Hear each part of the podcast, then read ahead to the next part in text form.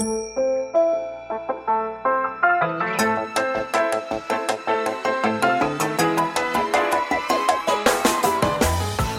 lieve luisteraars, welkom bij de Stories of Inspiration podcast van What's Your Story.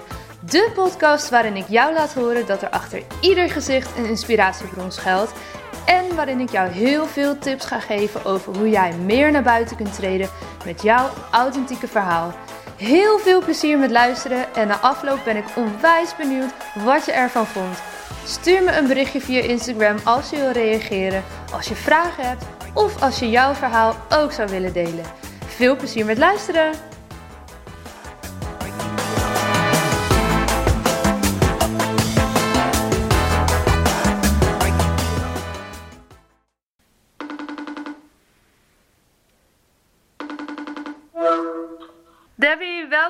In de Stories of Inspiration podcast. Wat leuk dat je er bent.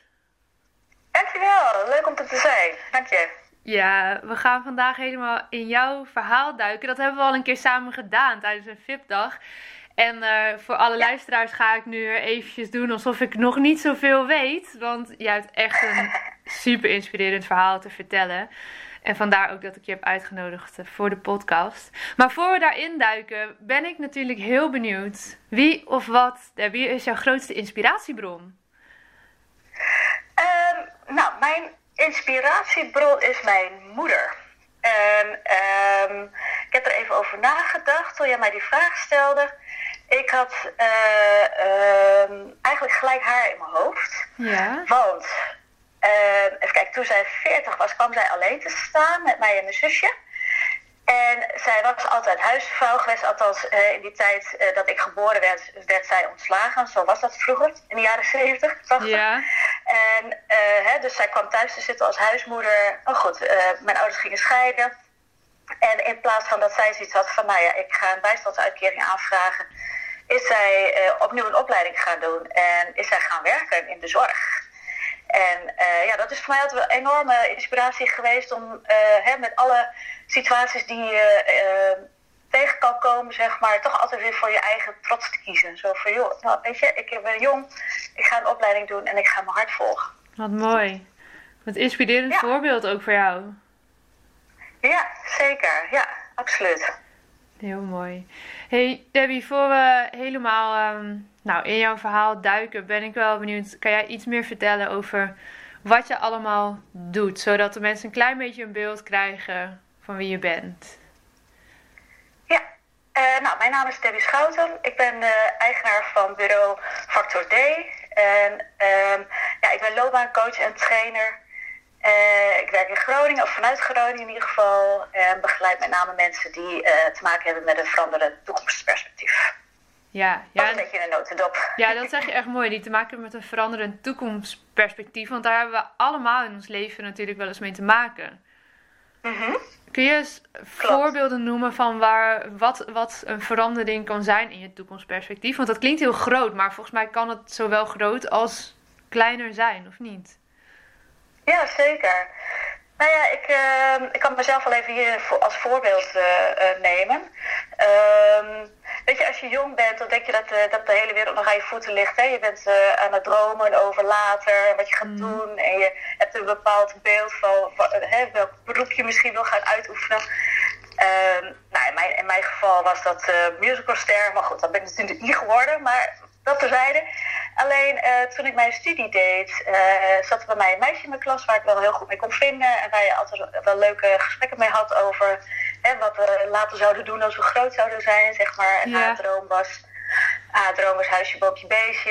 Uh, ze had net een lieve vriend. En nou, mijn droom was reizen.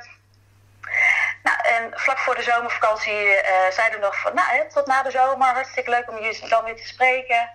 Alleen toen ik terugkwam van vakantie, en dat was in de tijd dat er nog geen mobieltjes uh, uh, waren, lag er bij mij een uh, rouwkaart op mijn mat. En was ze overleden door een ongeluk. En ja, 21 jaar en gewoon weg. Nou ja, dat, daar ben ik toen zo van geschrokken. Ja. Dat ik echt dacht van, oké, okay, ja, wie zegt dat er nog een later is? Hè? Dat je, ja, je kan wel allemaal mooie plannen hebben, maar het kan dus gewoon zo over zijn. Dus ik heb toen toen mij dat of niet mij dat overkwam, maar hè, toen dat gebeurde, uh, ja, gelijk een ticket gekocht en uh, heb mijn eerste verre reis gemaakt, zeg maar. Want ik dacht van ja, wie, wie zegt dat ik 65 word ja. en pensioen mag? En uh, ik denk gewoon nu doen. Ik ben nu gezond en ik ben jong en ik had de mogelijkheid en gewoon doen. Maar dat is niet een, uh, niet een klein voorbeeld van een veranderend toekomstperspectief. Uh, Jeetje. En zo jong ook al, zo um, ja, met je neus op de feiten gedrukt dat het leven Klopt. eindig is. Klopt, ja. ja nee, dat is inderdaad geen kleine kleinigheid. Dat, uh, dat klopt hoor. Dat, uh, maar dat was voor mij wel de allereerste moment dat ik echt dacht van... oh ja, oké, het kan dus totaal anders gaan dan dat je gepland had. Ja. En, uh, en wat gebeurde er nou ja. met jou toen je dan daadwerkelijk op reis ging? Nou, dat, was wel, dat is wel grappig, want ik was als kind best wel extrovert... maar op een of andere manier ben ik ergens in de, de loop der tijd heel erg introvert geworden. Verlegen ook wel door, nou ja, door omstandigheden, denk ik. En door mijn allereerste reis ontdekte ik eigenlijk dat ik best wel zelfstandig was. Uh, en heel, heel dapper. Weet je, ik ben ook naar Azië gegaan, samen, samen wel met een vriendin, dat dan wel. Maar niks geboekt. En ik was uh, twintig. En mijn vriendin uh, was 21. En we hebben gewoon een ticket geboekt. En we wisten totaal niet waar we aan begonnen. Ja. Ja, dus dat, dat, ja, ik, ik heb daar wel een heel stoer gevoel aan overgehouden. En dat was in de jaren 90. Dus wat ik zeg, geen mobieltjes. Dus wij maakten met een telegram nog een thuisfront. Uh, een beetje geruststellen. Van, Zo, want ik leef nog, weet je, ik ben ja. daar en daar. Ja, ja, ja. Het is super spannend natuurlijk. Geen internet. Althans niet zo snel dat je kon, uh, kon bedenken van nou welke hostel is er open en is er überhaupt een plek. Dus we stapten gewoon met de trein in en we gingen zo van nou we zien wel waar we eindigen. Maar ja, dus dat vond ik heel gaaf. Dus dat heeft me wel een enorme uh, boost gegeven en zelfvertrouwen. En uh, zo van nou weet je, ik, als je alles, je, je kan in principe alles als je wil en durft. Ja, oh daar zit wel echt zo'n power is van, joh, ga het gewoon doen. en geen idee waar ik beland. Want waar zijn jullie heen gegaan? Uh, we zijn naar Bali en Java. Of uh, Java en Bali. Dus we ja. zijn begonnen in uh, Jakarta uiteraard. En ja, toen gewoon de, het openbaar vervoer gepakt. Zo van, nou, waar gaan we nu eens heen? Nou, hup. en hoe, hoe was dat voor jou als 20-jarige? Wat, ja, wat, waar kwam je terecht? Nou, dat is een hele goeie. Uh, mijn opa die heeft uh, uh, op Indonesië gewoond. En, uh, dus ik had wel een bepaald ah, idee van, ja. hè, van, van, verhalen, bepaalde ja. beelden. En ik wilde gewoon weten waar hij het altijd over had, zeg maar, toen ik klein was. Mijn opa is vrij jong overleden, maar zijn verhalen zijn me altijd wel bijgebleven. En, maar goed, dat was natuurlijk al lang niet meer zo. Uh, Indonesië is ook gewoon druk en, en de grootste wereldsteden. En, ja. Dus ik had er een bepaald romantisch beeld bij, wat natuurlijk helemaal niet zo was. maar uh, uh, tenminste, althans als ik het over de grote steden heb. Kijk, Dorpen mm-hmm. natuurlijk zijn, zijn nog wel heel kneuterig.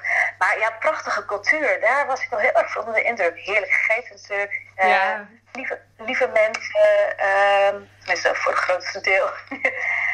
en ja ja, heel erg onder de indruk van de, van de cultuur en de mooie, mooie ja, beelden, musea's, mm. natuur, dieren. Ja, prachtig. Hey, en als je het dan hebt over dat je toekomstperspectief veranderde, hoe kwam jij terug naar die reis? Want je hebt dus te horen gekregen dat je een van je beste vriendinnen, of misschien wel je beste vriendin, was overleden, plotseling, mm -hmm. super jong. Ja. Uh, je bent op reis gegaan redelijk out of the blue uh, in dat avontuur gestapt en dan kom je ja. terug. En hoe was jouw beeld van je toekomst dan veranderd? Weet je dat nog? Uh, ja, in die zin wel. Uh, tenminste, ik heb er wel eens over nagedacht in een latere stadium. Mm -hmm. Ja, ik had een gevoel van haast, gek genoeg. Oh ja. Niet, niet toen ik, niet toen ik terugkwam uit Indonesië hoor. Toen had ik juist een heel erg relaxed gevoel en wilde ik dat ook vasthouden in, in een land als Nederland, wat natuurlijk valikant mislukte. Ja, ja, dat willen we allemaal na een reis, ja. Binnen een paar uh, weken zat ik weer in die rap race. Maar, uh, dus dat is wel niet gelukt. Maar ik had een gevoel van haast. Ik had, ik had het idee van ja, ik weet niet of ik oud word, dus ik moet nu alles doen. Ja. En, en had je dan ook dat gevoel dat je voor twee moest gaan leven of viel dat wel mee? Ja. Ja, ja dat heel erg inderdaad. Ik heb echt... Nou, als je het hebt over een bucketlist, volgens mij heb ik, heb ik wel drie bucketlisten afgewerkt. En nu voor het eerst in mijn hele leven geen bucketlist meer. Ik heb nu een fucketlist. Ook heel fijn. En wat is een fucketlist? Zo van, nou ja, je hoeft je nergens meer druk over te maken. Maar zie maar wat, wat het leven je brengt. Gewoon lekker meer genieten eh, van de dingen. Meer je succes vieren. Ja, want ik kan me voorstellen dat het, het gehaast leven en voor twee leven... dat zorgt dat je heel veel toffe dingen gaat doen. Maar dat dat ook heel slopend is. Klopt, ja. Klopt. hoe, hoe heb je daar dan ja, vorm aan gegeven? Of hoe ben je daarmee omgegaan? Want het lijkt me, ja, ik snap hem, maar het is misschien niet per se heel gezond. Zie ik dat goed? Nee. Ik klopt hoor. Ik, heb in 2006 een, eh, een burn-out gehad. Uh, uh, door achteraf mm. gezien mijn haast, denk ja. ik. En ook wel persoonlijke omstandigheden hoor. Ik was net gescheiden en ik had een aantal familieleden weer verloren. Uh, ik was van baan veranderd vanuit een bepaalde ambitie, hè, die drive die ik had, zeg maar, uh, alles uit willen halen. En, en alles bij elkaar opgeteld. Ja, ging, ik ging toen in 2006 uh, giga onderuit. Ja. en als je dan, want jij hebt dat zo meegemaakt, als je nu mensen treft, misschien ook wel veel jongere mensen die gehaast leven, of waarvan je ziet van wow, die, die leeft wel voor twee of drie met die enorme ambitie en bucketlist misschien ook wel. Wat voor advies zou je dan kunnen geven met de kennis die je nu hebt? Uh, ja, geniet meer van je successen, denk ik. Uh, weet je, natuurlijk is het heel goed om een bepaalde ambitie te hebben, hè, om dingen na te streven. Want dat, dat is gewoon heel erg belangrijk. Dat hoort ook bij die levensfase, zeg maar, waar je in zit. Tussen mm 20 en 30, zeg maar, hoort het er ook gewoon bij. En ik zou zeggen van, doe dat ook vooral. Maar neem ook af en toe de tijd voor bezin en te kijken wat je allemaal al doet. In plaats van alleen maar te kijken naar wat je niet doet. Ja. Dus terug te kijken en uh, ja, ik hou nu zelf bijvoorbeeld een soort van dagboekje bij. Dat ik uh, elke eerste maand van de maand kijk even terug met wat ik de afgelopen maand gedaan heb. En oh, ja, dat is wel een hele fijne manier om echt te kijken van hé, hey, dit heb ik dus allemaal al gedaan. En dat is wel een ja, een cadeautje, zeg maar. Ja. ja, mooi. En ook wel een goede tip om dat dan gewoon eens per maand te doen. Want je hoort heel vaak van schrijf elke dag drie dingen op en zo. En daar geloof ik op zich ook wel in. Maar je vervalt dan heel vaak in dat je het toch niet elke dag gaat doen of daar elke dag tijd voor maakt. Zo één keer in de maand is dan best wel concreet een moment. Dat kan iedereen. Ja. ja, ik heb het gewoon in mijn agenda staan. Eerste maanden van de maand. En dan uh, even focussen. Ja. ja, mooi. Goede tip hey, en um, jij hebt uh, aangegeven dat we nog een groot moment mogen bespreken. Wat voor jou ook wel echt een, een ander toekomstperspectief heeft gege gegeven. Namelijk het feit dat jij geen moeder bent geworden. Klopt, ja. ja. Nou ja, als je het hebt over veranderd to toekomstperspectief, is dat natuurlijk behoorlijk eentje. Ja, zeker. Uh, Nou, het, is een, het is een beetje dubbel in die zin. Ehm, wat ik net al vertelde, ik ben uh, gescheiden. En ik had nooit echt het idee dat ik, een, dat ik een behoefte had aan een gezin, zeg maar. En dat kwam een beetje door omstandigheden, denk ik, ook door de haast van mijn, van mijn leven. Hè? Alles er wil uit willen halen, heel veel reizen. Maar goed, na mijn scheiding ben ik mijn uh, huidige partner tegengekomen. En met hem had ik voor het eerst het gevoel van... hé, hey, uh, hier wil ik wel een gezin mee stichten. Weet je? Dit, dit, dit voelt goed, dit voelt, hoe zeg je dat, gelijkwaardig. Ja. En, ehm, maar goed, toen wij eenmaal bezig gingen, even plat gezegd. Ja, ja, ja. ja, misschien een beetje naïef, maar na anderhalf jaar ja, zonder resultaat ben ik maar eens naar de huisarts gestapt. Zo van, joh, ik ben, nou, we zijn bezig, maar we zijn nog steeds niet zwanger. En toen zei mijn, huishoud, mijn huisarts uh, van, goh, nou ja, weet je, waarom ben ik niet eerder gekomen? En uh, dit is toch wel heel erg lang. Toen dacht ik, oh, oké. Okay. Okay. nou ja, toen zijn we gelijk het traject weer gestart. Ik heb, even kijken, in totaal twaalf keer IUI gehad, omdat ik in mijn laatste IUI-poging zwanger werd. Maar dat eindigde met een miskraam, dus toen mochten we weer overnieuw mm. zes keer. Zonder resultaat. nou, toen zijn we overgestapt op IVF. En toen, uh, poging van IVF, toen dat ook mislukte, ben ik zelf nog een keer spontaan zwanger geraakt. En ook weer met een miskraam. Nou goed, inmiddels was ik 40. Dus ja, dan sta je wel op het kruispunt. Zo van ja, hoe, hoe lang ga je nog door? Hè? Want je verschuift continu je grenzen, je verschuift continu je wens. In het begin dacht ik van, oh joh, nou als het lukt, cadeautje. Als het niet lukt, ook goed. Maar ja, dat is niet zo gek genoeg. Uiteindelijk, uh, zeker als je uh, inmiddels zwanger bent geweest, uh, weet je ook hoe het voelt en weet je hoe het dus gewenst is. Ja. En dat, dat verhaal van, ah, leuk, het is een cadeautje, ja, dat, dat is, ja, dat zijn dat hou je jezelf dan bijna een beetje voor, uit bescherming. Ja, ja. ja een stukje bescherming inderdaad. En uh, ja, dat, maar goed, uiteindelijk slaat het natuurlijk helemaal nergens op. En je wil het gewoon. Want anders doe je al die moeite niet. Nee, En, uh, maar goed, op mijn veertigste, toen dacht ik van ja, ik, ik, ik, weet niet hoe lang ik dit nog volhoud. En toen zei mijn vriend ook van, nou ja, weet je, ik, ik hou het sowieso niet meer vol.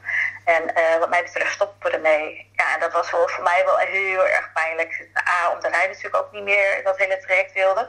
Ja. Wat ik heel goed snap trouwens, hè. Maar voor een man en een vrouw is dat wel verschillend. Als het mij wel had gelegen, had het misschien al wat doorgaan. Maar ik merkte toch ook wel dat ik dacht van ja, nee, dit, dit, dit kost te veel. Dit, dit vreet te veel uh, van, van wie ik ben. Weet je. je verlies je dan zo in zo'n traject. Ja. En, uh, ja, en dan moet je dus afscheid nemen van een bepaalde uh, toekomstbeeld hè, ja. van ons gezinnetje, zeg maar. Ja. En wat er dus niet komt. ja, dat is wel heel hard hoor. Dat, ja, want wat, gebeurde, wat gebeurde er met jou dan als we nog ietsje teruggaan in de tijd in, in dat traject? Wat, uh, ja, voor mij is dat moeilijk voor te stellen, omdat ik gelukkig niet, of nou, nog niet, ja, ik zou het niet weten. Ik hoop dat ik nooit in zo'n traject uh, hoef te komen. Uh, maar het is wel iets waarvan steeds meer vrouwen ook openlijk daarover spreken. Um, nou ja, dat het allemaal niet zo spontaan gaat. Klopt. En ik, ja, ik zou het wel heel benieuwd zijn naar hoe dat voor jou dan is geweest. Misschien al het, het moment dat je beseft van, oh, bij ons gaat het blijkbaar niet zo makkelijk. We gaan zo'n traject in. Uh Kan je dat nog terughalen, dat moment? Uh, dat we het traject ingingen, bedoel je? Ja. Uh, nou ja, wat ik zeg, want ik was lichtelijk naïef misschien dat ik uh, anderhalf jaar. ik, had, ik had er nooit zo bij stilgestaan dat het niet normaal is dat je na anderhalf jaar nog niet zwanger bent. Weet je wel, ja, je zoekt het toch in jezelf. Zo van, nou ja, een slechte timing. Of mm. bla bla bla. Of we gaan wel eens een keer lekker op vakantie. En dan zal het vast wel lukken. Dat toen de huisarts zei, zo van, hé, hey, maar dit is niet goed. We gaan, in die, in, uh, we gaan jou naar het ziekenhuis sturen om te kijken wat er aan de hand is. Ja, dat was voor mij echt een klap in mijn gezicht. Dat ik dacht van, oh, wacht even, mijn lijf doet, oh, er is dus, dus niet wat het zou moeten doen. Er is iets mis met mij. En hebben ze dan ook daadwerkelijk iets fysiek gevonden bij een van jullie twee? Mag ik dat vragen? Nee. Ja, ja nee, zeker, dat mag je vragen. Nee, het is een onverklaarbare, uh, niet zwanger, of hoe zeg je dat, uh, kinderloosheid. Dus nee, ik ben door helemaal de molen gehaald. Dus ik heb alle, allerlei onderzoeken gehad, mijn eileiders helemaal doorzocht nou ja, er, was, er is gewoon geen aanleiding. En met mijn vriend was ook alles normaal. En uh, ja, zeg maar. Ja. Geen idee. En hoe lang zijn jullie dan uiteindelijk in zo'n traject gebleven? Want je zegt van ja, dat, dat hakt er ook best wel in. Ja, uh, ik denk in totaal vijf jaar. Even uit mijn hoofd. Ja, want voordat wij echt helemaal zijn begonnen, was ik al wel op leeftijd. Uh, moet ik zeggen, ik was 34 of 35. Mm Want ik heb mijn vriend ook wel iets later ontmoet. Dus ja, het kan zijn natuurlijk dat het leeftijd gerelateerd is. Maar goed, ik zie ook genoeg vrouwen van, uh, van 35, 36 die geen probleem hebben. Zelfs van 40, weet je wel. Dus, uh, en binnen time zwanger worden. Dus ja, ik heb geen idee. Maar, uh, dus ik denk een jaar of vijf, zes. Dat wij er wel mee bezig zijn geweest. Ja. En hoe was dat voor jullie als stel dan? Want ik kan me best wel voorstellen dat dat ook wel een bepaalde druk op de relatie kan zetten. Zeker, ja. Hoe hou je het, hoe hou je het leuk? Misschien is dat een, een positievere vraag. dat is een goede. Nou, ik moet eerlijk bekennen dat wij het best wel goed gedaan hebben. Dat hoor ik ook al van andere stellen, dat het uh, uiteindelijk toch niet goed afloopt. Ja. Ik, ik, denk dat wij het wel heel goed gedaan hebben. Wij zijn heel open geweest in het hele proces. Ook met andere mensen echt open geweest. Van joh, hier zit er gewoon middenin. En uh, uh, daar met vrienden ook over gepraat. Dus ik kan mij niet echt, natuurlijk zullen we wel uh, goed, ik zeg, ik ben inmiddels 47, dus alle details weet ik niet meer. Maar uh, we konden het wel goed over hebben. mooi. En als, en als ik heel verdrietig was, dan was hij er wel voor mij. Uh, kan ik me herinneren. Alleen aan het eind heb ik wel gedoe gevoeld, omdat hij eerder de stekker eruit trok dan ik. En voor mijn gevoel, uh, weet je, het, het, falen, zo van het op moeten opgeven. Uh, sorry. Het moeten opgeven, ja, die vond ik nog wel lastig. Maar ja, je moet het wel met z'n tweeën doen. Ja. En als, als één niet meer wil, ja, dan houdt het wel op. Ja. En als je nou dan, uh, want er zijn natuurlijk meer vrouwen die hier helaas uh, mee moeten dealen om op een gegeven moment die beslissing te maken van ja, we stoppen ermee, we maken die keus. Um, zou je iets tegen hen willen zeggen of zou je iets daarover willen delen hoe jij dat hebt verwerkt? Of... Ja, zeker. Ja.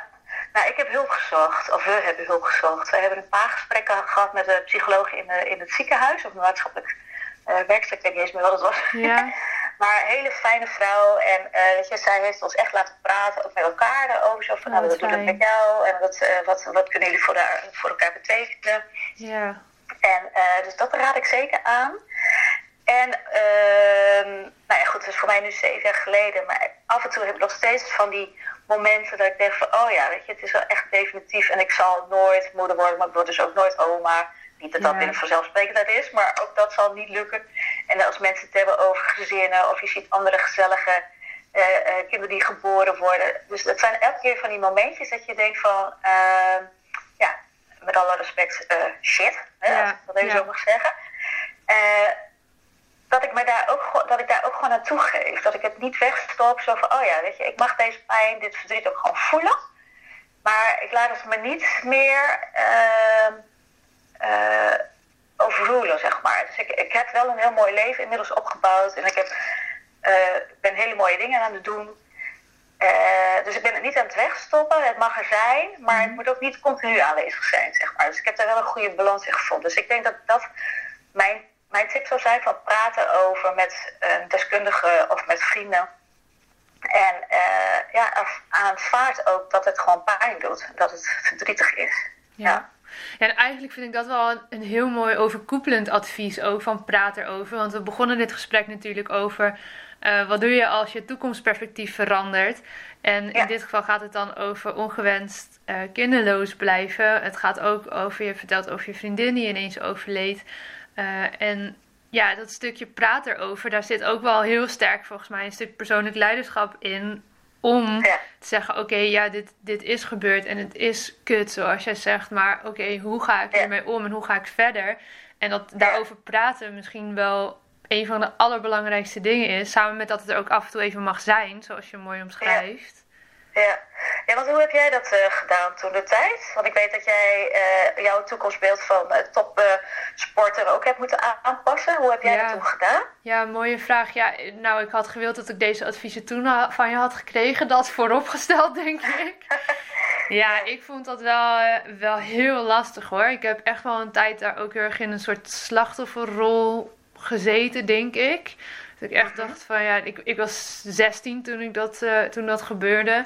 En oh ja. um, woonde ook echt net op mezelf. Ik werd toen bijna 17 in Groningen. Was bij een nieuwe volleybalclub gaan spelen. En nou ja, eigenlijk ging het gewoon hartstikke goed. En uh, ja, toen dat ineens veranderde, um, werd het ook nog net winter. En dat, ja, dat hielp allemaal voor mij niet echt heel erg mee.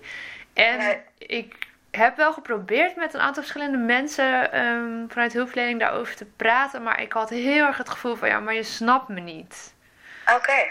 En, um, en waar werkte je dat dan aan? Ja, dat ik dacht, jij hebt echt geen idee hoe belangrijk die sport en het volleybal voor mij is. Dat het heel een beetje.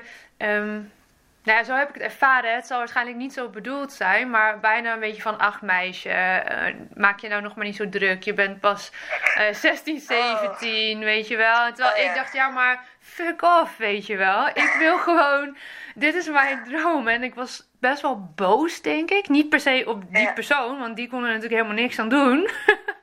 maar gewoon gefrustreerd. En, en niemand kon mij uh, medisch gezien antwoorden geven over hoe het verder zou gaan. En of het überhaupt nog weer mogelijk zou zijn om op uh, topniveau te volleyballen. En ja, dat vond ik heel frustrerend. En een soort van onmachtig gevoel gaf dat. Um, ja, dus dat heeft echt wel een tijdje geduurd voordat ik mezelf daaruit uit heb getrokken, denk ik. En uh, ja, een, waar dan wel weer een omslag kwam en dus er weer wat perspectief kwam, was dat op een gegeven moment het toch een volleybalclub het wel weer aandurfde met mij. En dat ik toen uh, ja, de kop ervoor heb gegooid en heel hard ben gaan trainen bij een fysio in een sportschool. Ik ben nog nooit zo fit geweest. En uh, ja, toen heb ik toch ook nog weer een paar jaar op, op niveau kunnen volleyballen. En dat heeft mij er denk ik wel uitgetrokken in die zin. Dat ik die droom dus uiteindelijk nog niet helemaal hoefde los te laten. En dat pas een aantal jaren later uh, kwam dat ik zelf zoiets had van: oké, ja, dit wil ik gewoon niet meer uh, mijn lichaam aandoen. En uh, ja, je komt op een gegeven moment, hè, topsport is natuurlijk, het is maar een heel klein groepje die echt de absolute top haalt.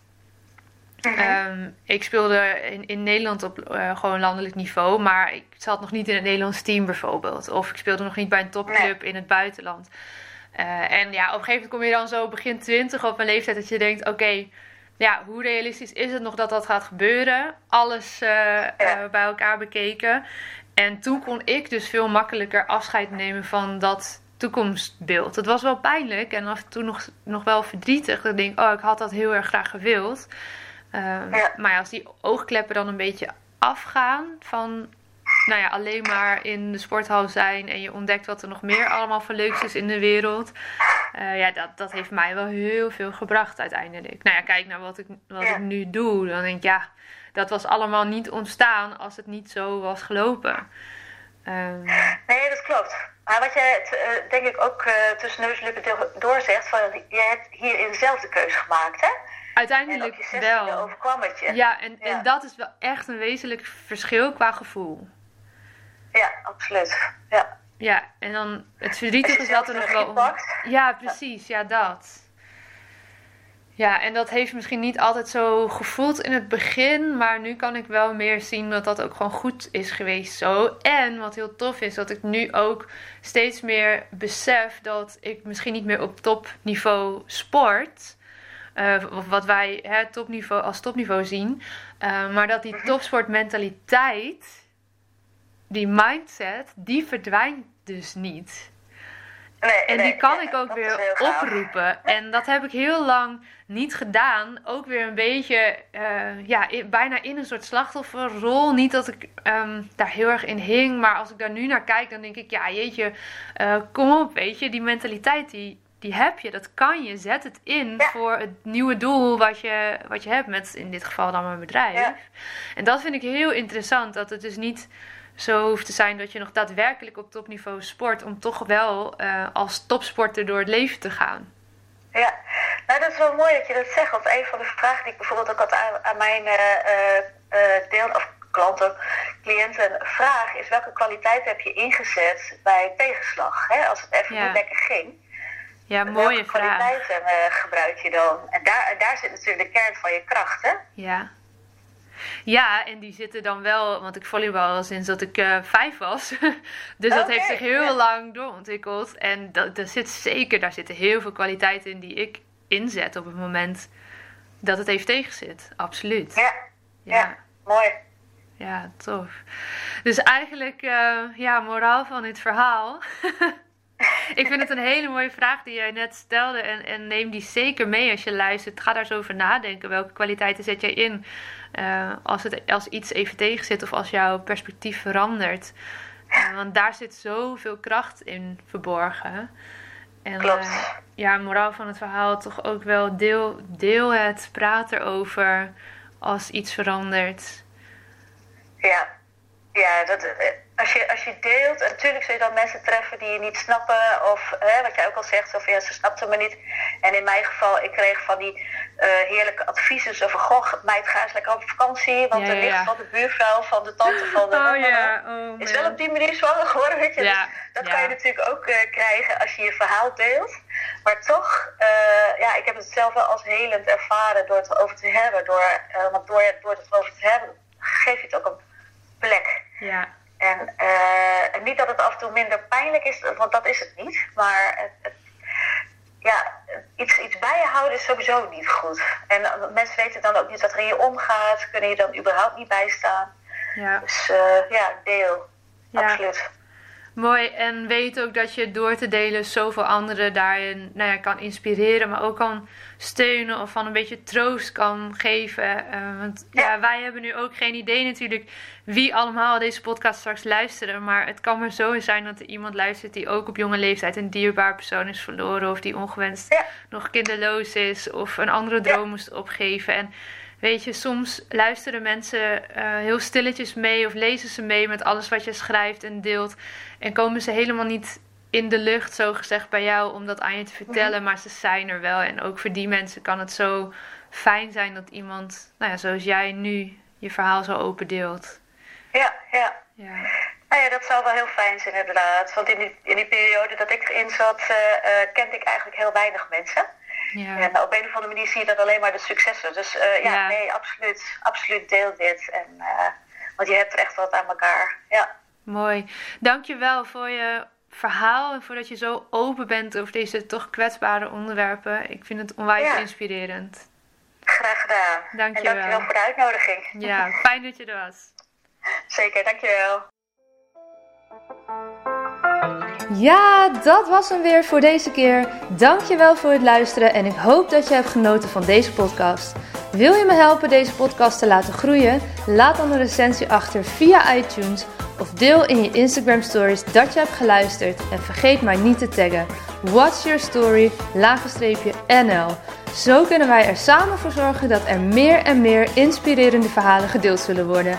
Alvast onwijs bedankt voor je support en tot de volgende aflevering.